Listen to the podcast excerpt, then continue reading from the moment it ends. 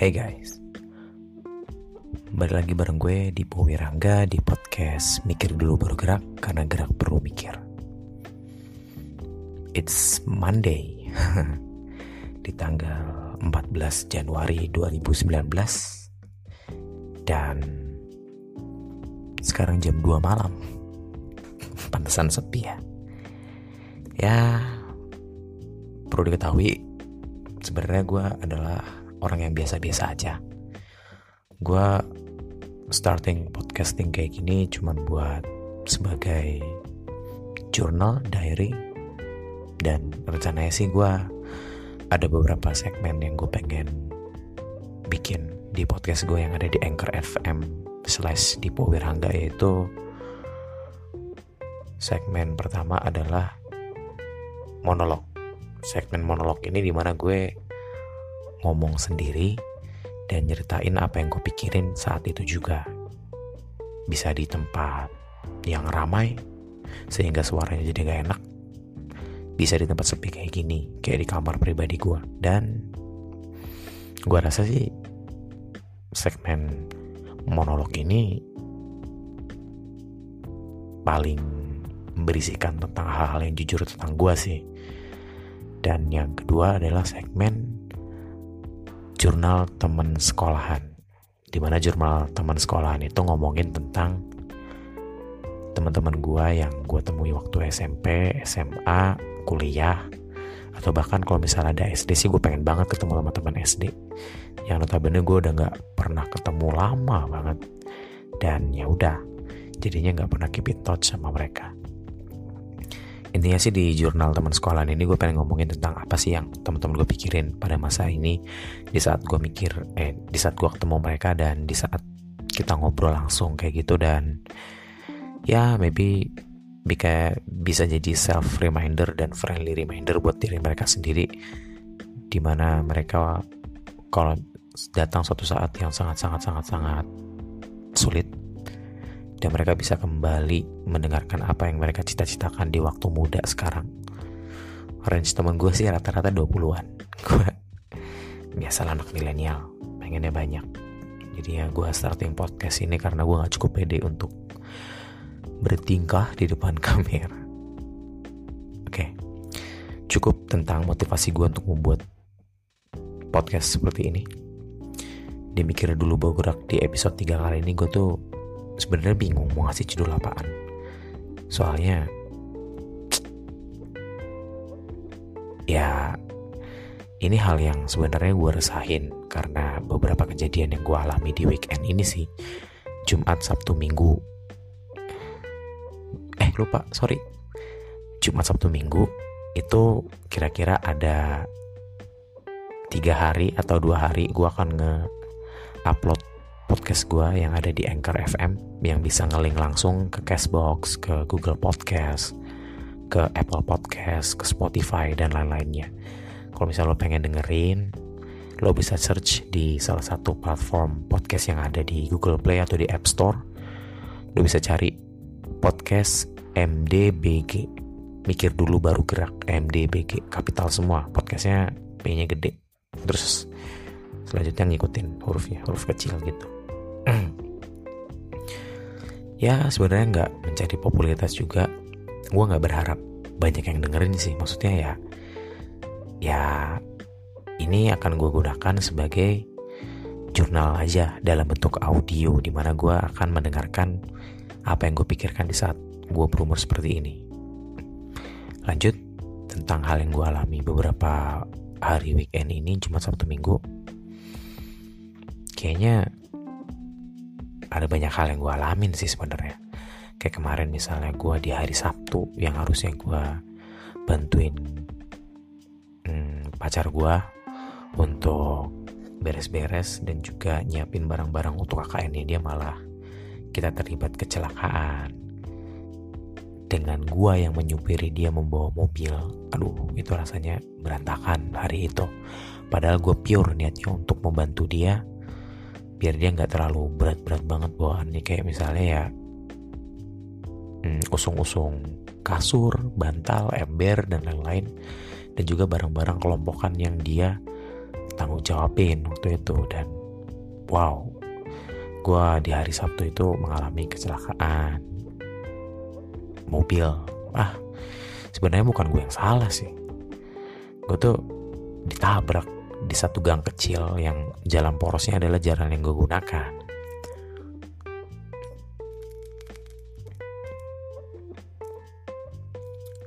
Terus uh, ada satu mobil pickup yang dikendarain oleh seorang pekerja kayaknya ya. Kayaknya umuran range-nya sama lah kayak gue 20-an mungkin 22, 23, 24, 25 kali ya. Dan dia itu masuk dari gang kecil untuk keluar. Padahal di perempatan kecil itu di daerah yang gue sebut daerah lah. Itu ada cermin yang buat ngeliat kendaraan dari arah berlawanan itu uh, arah kiri atau kanan tuh kelihatan gitu kan. Dan keselnya dia tuh nggak pakai cermin itu dan nggak pelan-pelan waktu di jalan itu. Di saat gue udah di tengah perempatan itu dia keluar akhirnya mobil gue ketabrak sama dia ditabrak. Dia bagian bempernya penyok bagian depan bemper kanan karena dia dari sebelah kiri gue dan gua di bagian fender kiri dan juga bumper kiri bagian kiri bukan bagian depan bener-bener gak ada bener-bener bersih yang bagian depan. Itu tuh kena aduh hancur banget hati gue tahu gak sih? Yang gue pikirin pas gue ketabrak jeger kayak gitu yang gue pikirin adalah mampus bukan mobil gue ini. Itu kata pertama yang keluar dari pikiran gue tuh itu. Karena apa? Gue tuh posisinya tuh lagi bantuin cewek gue untuk belanja barang-barang yang dibutuhin buat KKN gue lagi nemenin dia gue lagi uh, nganterin dia ke rumah biar bisa balik terus barang-barangnya ditaruh gitu kan. Dan jeger kesel banget tiba-tiba kecelakaan seperti itu.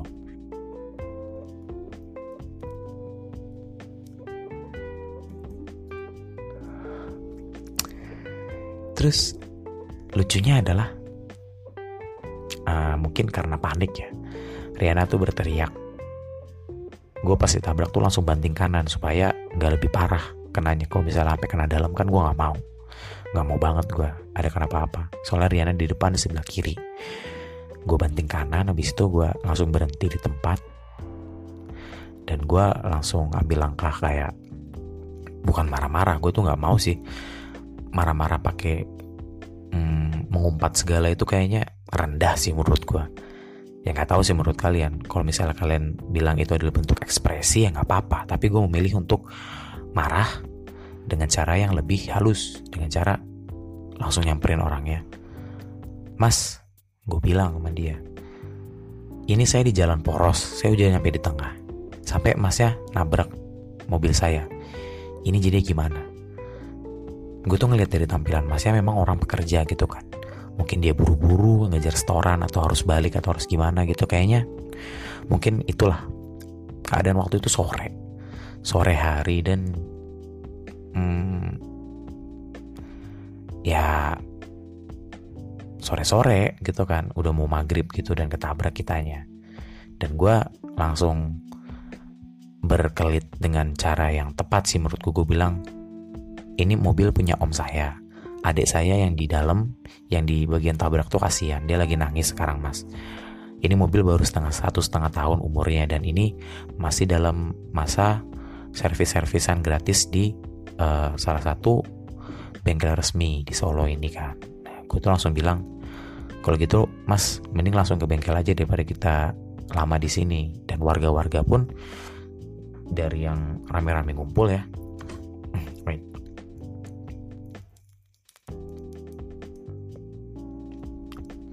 bilang lebih baik dengan cara kekeluargaan dan win-win solution. Ada satu bapak-bapak yang bilang, ya udah mas, masnya ditabrak loh.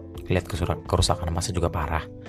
Dia bilang, mas benerin bempernya dia, dia benerin semuanya yang dari mas biar nggak terlalu tegang gitu mas dan mas juga dapat gantinya. Dan gue pikir itu masuk akal gitu kan.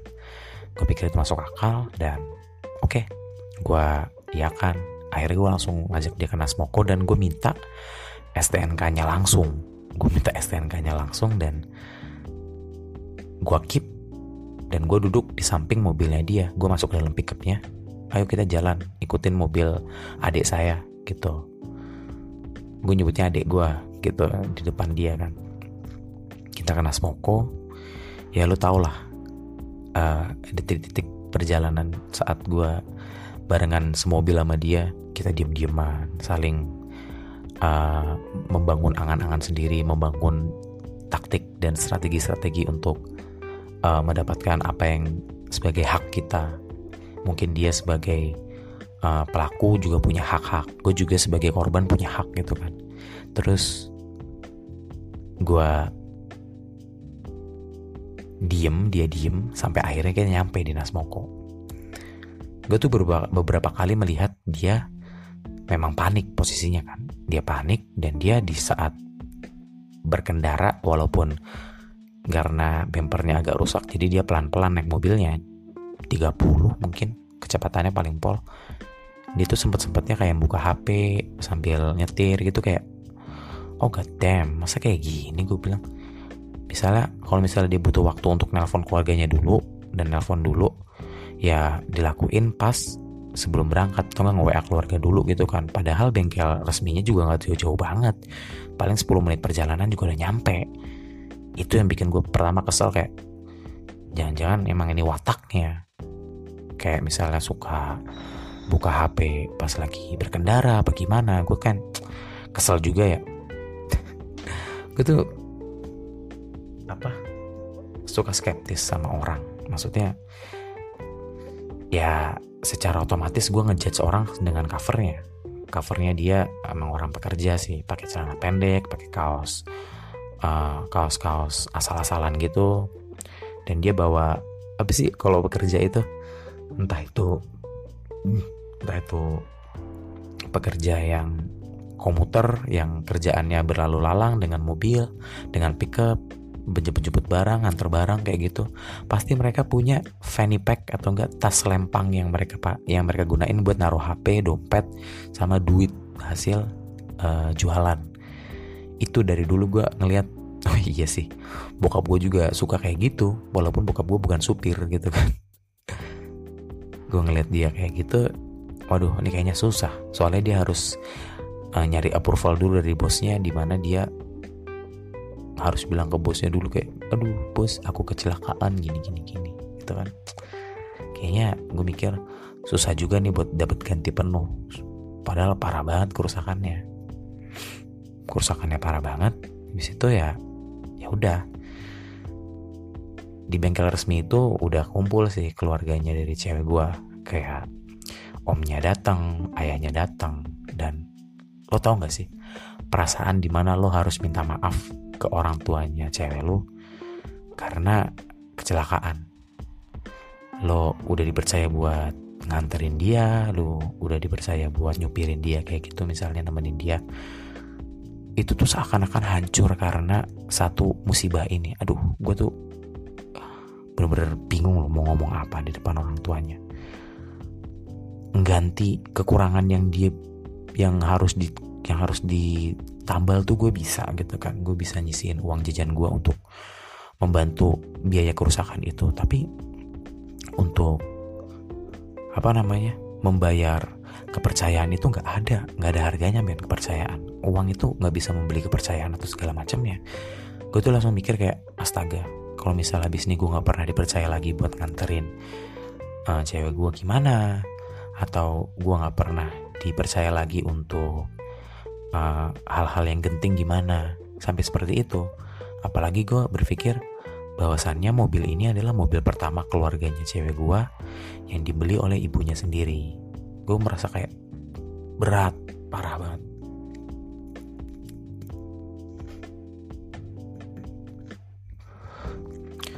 Parah banget gue pikir kan ini mobil bener-bener dibeli dengan tabungan dicicil sedemikian rupa udah kekumpul duitnya terus rembukan musyawarah mau beli mobil yang apa tahun berapa baru apa second warnanya apa mereknya apa tipenya gimana itu ah. Waktu cewek gue cerita tentang hal itu tuh bener-bener bikin gue ingat semuanya saat gue tuh ceker oh. Rasanya mau marah bener-bener gergetan badan gue tuh bener-bener wah. Untungnya gue bisa ngendalin diri dan ngomong dengan baik-baik. Gue tanya ke masnya waktu habis kecelakaan gitu langsung kayak mas mas mau tanggung jawab kan? Saya mau tanggung jawab mas. Untuk hal ini. Dan mas juga mau tanggung jawab kan? Untungnya dia bilang iya. Karena gue bener-bener gak tahu lagi sih kalau misalnya dia bener-bener kayak jamet yang gak mau tahu gitu kan. Pokoknya aku dulu kelar kudu kelar gitu. Kayak gue gak kuat kalau misalnya langsung ngomong sama orang kayak gitu. Kayak kalau misalnya orang yang kayak gitu udah gak ketolong lagi loh. Entah tololnya entah keras kepalanya egoisnya udah itu gak ketolong lagi. Terus pas lagi di bengkel resmi itu gue nelfon bokap gue gue telepon. Karena di tengah bulan di tanggal berapa? Tanggal 14 berarti kan tanggal 10 2 13 kali 12 tanggal 12 Januari gitu kan. Gue tuh belum dikirimin uang jajan gue yang biasanya dikirimin bokap dalam sebulan.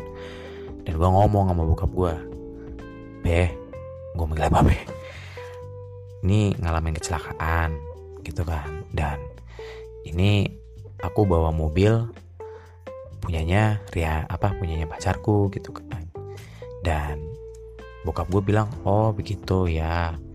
Yang penting kamu selamat dua-duanya kan sehat-sehat aja ya. Dan bokap gue pesan dia bilang tuh uh, dia bisa ngirim duitnya besok pagi gitu kan apa besok malam gitu nggak salah karena juga lagi riwah gitu dan duit di ATM-nya juga lagi nggak nyukupin ya jangan jangan kira gue jajannya banyak ya.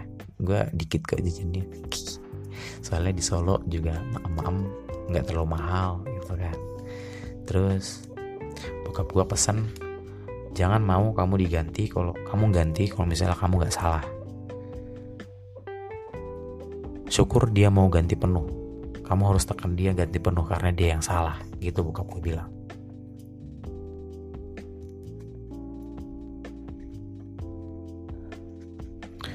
Bener sih. Dan bokap gue bilang kayak ada harga untuk kecerobohan. Kalau misalnya kamu melakukan kecerobohan dengan sengaja ataupun tidak sengaja lo harus tetap ganti. Gitu bokap gue bilang. Dan gue ngerasa itu bener banget. Itu bener banget. Dan pada akhirnya gue neken itu uh, eh, gue neken masnya buat ini berapapun hasilnya hasil kurasinya nilai kerusakannya berapa dari pihak Nasmoko gue gue akan kasih tahu ke mas ya dan kita ngelihatnya bareng-bareng kurasinya mas. Ya dari pihak mas Mokon yang mengkurasi kira-kira habisnya berapa. Lalu pihak si pelaku ini nggak terima. Nggak terima harus mengganti seluruhnya padahal dia yang nabrak. Dan itu membuat gue kayak logika mana yang lu pakai ini? Ini yang ngomong kekeluargaan kekeluargaan ya memang kayak lebih repot kalau masuk ke pihak berwajib as you know lah gitu kan. Terus pas misalnya kayak gitu gue disuruh split the bill 50-50 anjing banget gue bilang. Bahkan dia juga nyampe kita tuh nunggu, nungguin pihak yang nabrak itu buat datengin omnya yang katanya punya jabatan di apa sih namanya militer gitulah pokoknya. Ya gue nggak mau nyebut instansi gue malas aja nyebutnya. Terus dia menggunakan uh, kita nunggu tuh selama berapa lama ya? Kita datang setengah enam ke bengkel resmi tersebut dan kita tuh nunggu sampai jam 7 malam lebih gitu. Kayak hampir-hampir satu setengah jam dua jam gitu. Untuk nungguin omnya yang datang dengan embel-embel seragam satu instansi negara Republik Indonesia ini. Dan dengan entengnya si orang yang bilang sebagai omnya si pelaku ini minta secara kekeluargaan dan di split bill 50-50 gue tuh kayak apa? Gue bilang apa apa anda gila seperti itu? Nah gue nggak terima sebenarnya kayak lo siapa datang-datang bawa seragam apa segala macem? Dan bener-bener lah gue kayak jadi ini kelakuan orang-orang yang punya seragam gue pikir. Ini nggak mendiskreditkan semua orang yang berseragam loh ya. Mau lo punya seragam ojek online atau seragam instan apa perlu pegawai instansi negara atau seragam apa pun mungkin seragam sekolah. Gue nggak mendiskreditkan tersebut. Gue hanya mendiskreditkan uh, oknum-oknum yang menggunakan seragam sebagai petameng atau pelindung. Itu tuh menjijikan banget bagi gue kayak lu bisa apa ngomong kayak gitu di depan orang yang jelas-jelas melakukan kesalahan dan dia tuh udah mukanya piasanya tau gak sih lo orang yang salah mukanya pias tuh kayak gimana? Bener-bener salah tapi hmm, mungkin tidak uh, tidak punya kapabilitas untuk mengganti kerusakan tersebut gitu kan dan minta split bill 50-50 padahal gue tuh udah pada akhirnya obrolan berlanjut ketat kan.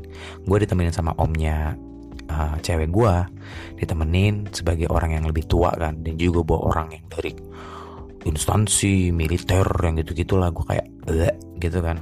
Dia pakai embel-embel segala dan ya udah gue karena mereka keberatan dengan harga yang ditawarkan oleh bengkel resmi dikasih lagi jalan tengah dengan baik. Kita beli under deal spare partnya yang ada di uh, bengkel resmi ini dan kita masangnya dan juga memperbaiki kerusakan-kerusakan lainnya di bengkel ternama atau kepercayaan yang om gua punya yang uh, pihak kuratornya pun menyarankan seperti itu agar ada win-win solutionnya. Akhirnya kita berangkat lagi ke bengkel satunya dan kita mengkurasi lagi sama pihak bengkel tersebut. Dan pihak bengkel bilang nominal yang cukup ya gede untuk gaji seorang PNS tingkat berapa ya? Gue gak hafal.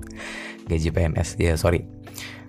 Uh, dengan harga seberapa gitu kan lo tau gak sih saat saat di mana lo nunggu keputusan yang bener-bener berat?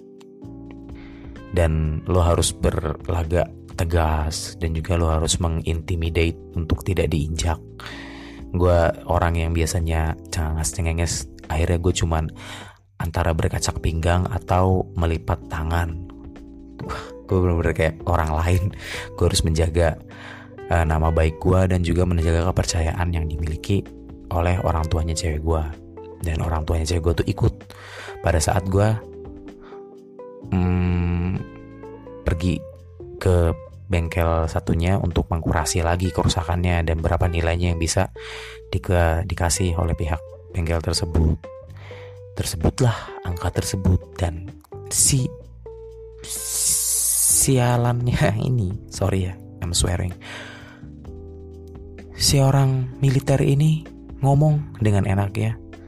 Kalau nggak 50-50, maka kita mending masuk ke pihak berwajib aja. Buat apa kekeluargaan tapi kok nggak ada solusi yang enak? Ya gue marah di sana. Gue tuh selagi marah itu gue orangnya marah. Nggak dengan mengumpat nggak nggak dengan misu-misu atau nggak dengan cara-cara yang sekiranya itu bakal ngerendahin diri gue sih. Gue sadar itu. Dari dulu gue kalau marah menggunakan bahasa Indonesia. Dan gue sampaikan poin-poin gue yang bener gitu. Si bapak itu ngomongin tentang logika apa segala macam gak ada yang pengen celaka di jalan ini musibah segala macam gua gua gua balas dengan kata iya memang gak ada yang pengen musibah gak ada yang pengen celaka. Tapi pihak yang mencelakakan itu memiliki tanggung jawab lebih besar pak logikanya seperti itu gua ngomong seperti itu dia tetap ngeyel dengan kata kekeluargaan dan gue tembak lagi dengan kata apa ya kalau begitu cara pikir Bapak, ya gimana mau adil? Semua tuh tergantung perspektif Bapak doang, gue gituin. Gue bener-bener kayak ketus gitu ngomongnya. Enak di Anda kalau begitu. Anda mau tabrak orang, orangnya mati, mau diganti pakai apa misalnya? Atau Anda nabrak mobil orang, terus Anda mau ganti hanya setengahnya tuh apa gitu loh.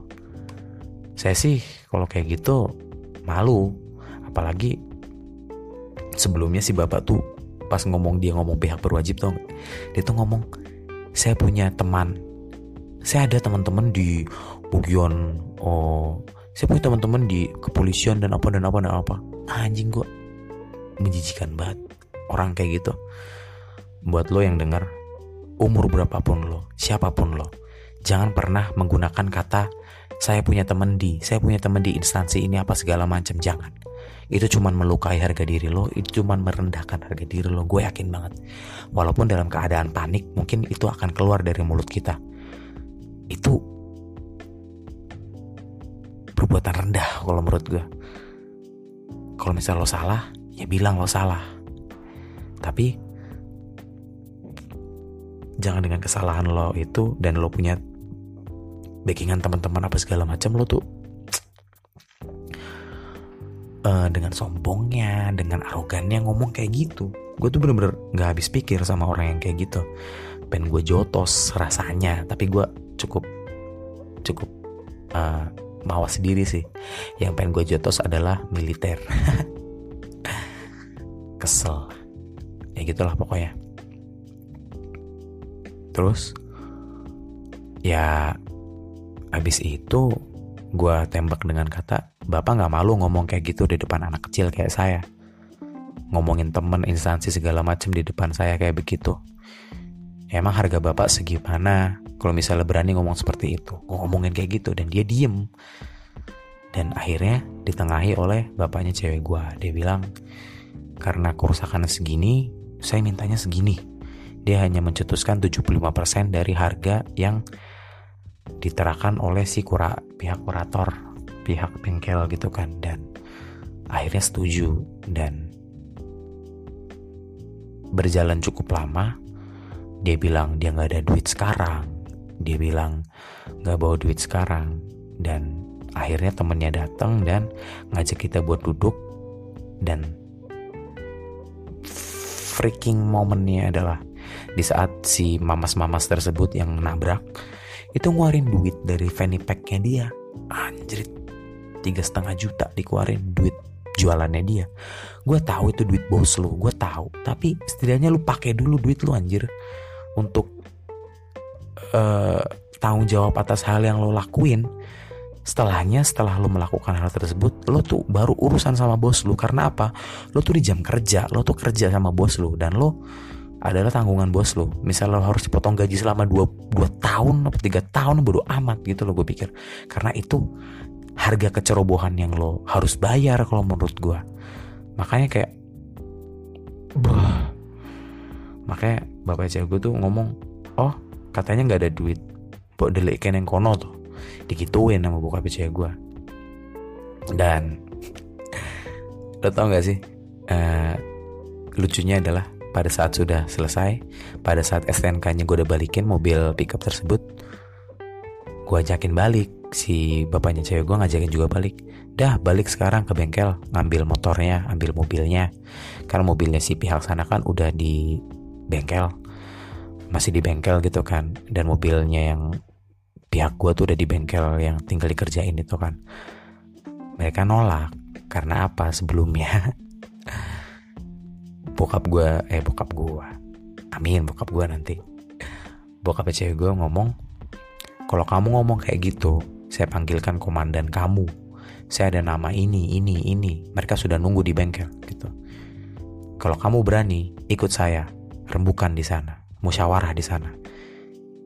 Dia nggak berani dong kesel minta ampun gue sumpah. Lo tau gak sih harga yang harus gue bayar selain harus uh, matungin kekurangan yang gak bisa pihak lo bayar? Lo tau gak sih gimana kepercayaan tuh gak bisa dibeli dengan duit? Lo gak tau gak sih kepercayaan yang udah dibentuk udah dibangun segala rupa itu lo rusak dengan kata kecerobohan lo itu yang tidak ingin ada musibah di jalan, tidak ingin ada kecelakaan di jalan itu yang gue benci banget sumpah. Kenapa harus ngomong-ngomong kayak gitu? Kepercayaan tuh nggak bisa dibeli dengan uang gue bilang. Makanya kayak gue tuh kecewa sebenarnya dengan kejadian yang kayak gini. Dan pihak sana yang kesannya tuh pengennya tidak terlalu merugi. Anjir lah gue yang merugi banyak. Cewek gue yang merugi banyak yang ditabrak gila. Mentalnya gimana psikologisnya gimana dan gue bener-bener nge-mention banget di mana bokapnya cewek gue tuh bener-bener ngebahas tentang anaknya ngebahas tentang yaitu gimana anak saya nanti psikologisnya gimana kamu nabrak di bagian kiri anak saya tuh lagi duduk di depan kayak gitu. Kamu bisa tanggung jawab sama hal itu kayak gitu. Wah bener sih. Gue baru kepikiran kalau misal gue punya anak dan kayak gitu gimana rasanya gue jadi bakap gue jadi bokap. Itu yang bener-bener gue kayak damn right. Akhirnya mobilnya masuk bengkel gue pesenin uh, taksi online untuk balik ke bengkel resmi. Sampai di sana udah rame banget. Gila. Atau momen di mana lo melakukan kesalahan dan kesalahan lo itu bisa dilihat oleh orang banyak. Apalagi orang banyaknya itu adalah keluarga dari cewek lo sendiri. Oh rasanya awkward pisan eh mm, gue tuh bener-bener kayak gue salam salam salam salam minta maaf minta maaf. Aduh. Memang kesannya klise tapi walaupun mereka mengatakan udah nggak apa-apa ini musibah. Untung nggak ada yang kenapa-napa di antara kalian. Tetap aja gue mikir kayak ya lebih baik gak ada yang kayak gini. Itu kemampuan untuk maafin diri sendiri tuh gue nggak bisa di mana gue merasa kayak apalah harus maafin diri sendiri seperti ini kayak gila kan? Dan juga ya itu sih lucunya adalah keluarganya banyak terus juga komandan-komandan yang dibilang itu nih sebutin satu-satu itu ada di sana. Karena itu teman-temannya bokapnya cewek gue aduh lucu banget gue pikir lucu banget. Seandainya dia datang cepet ya. Padahal kita ngobrol cukup lama di tempat bengkel tersebut di tempat pertama. Agak-agak sejaman kali ya kita ngobrol-ngobrol. Siapa namanya? Siapa namanya? Gue tempat sempat nge-mention namanya gitu kan gue dapet namanya. Kenapa ya? Tiap orang dari instansi tertentu kalau ditanyain nama lengkapnya dia tuh nggak mau nyebutin nama lengkapnya. Apalagi tentang musibah gitu. Namanya siapa pak? Saya Dipo gitu gue ngomong. Saya bla bla bla gitu kan. Lengkapnya pak. Terus dia diem seribu bahasa kayak nggak denger gitu loh aneh aja menurut gue apa mereka cari aman? Mungkin si anak bapaknya komandan kali. Mungkin si anak temennya ini kali gitu kali ya pikirannya. Padahal gue tuh berpikir kayak sebelum lo melakukan hal tersebut gue nggak akan memakai cara norak kayak gitu. Berhubung lo pakai cara norak kayak gitu ya gue pakai aja cara norak sekalian. Walaupun menurut gue itu salah sih dan gue nggak menggunakan cara norak itu secara langsung bokapnya cewek gue yang ngomong yang ngubungin temennya. Dan kata-kata ini ada anak buahmu yang uh, nabrak mobil saya. Gimana? Tolong dibantu pak. Ya sebentar ya saya lagi di sini. Langsung disamperin. Itu kayak hierarkinya memang gue nggak tahu sih. Keluarga gue nggak ada yang dari instansi tertentu atau jenjang karir seperti itu. Dan gue penasaran jenjang karir kayak gitu emang cara kerja gimana sih? Penasaran aja. Dan ya udah habis itu gue ketemu sama keluarganya cewek dan wah kehilangan rasa kepercayaan dan tanggung jawab tuh paling berat men daripada lo harus ngeganti rugi secara materi yang kayak gitu-gitu dan lo kehilangan uang jajan lo itu nggak seberapa daripada lo kehilangan kepercayaan. Makanya gue tuh sekarang lebih mencoba untuk lebih berhati-hati di jalan untuk aware sama sekitar.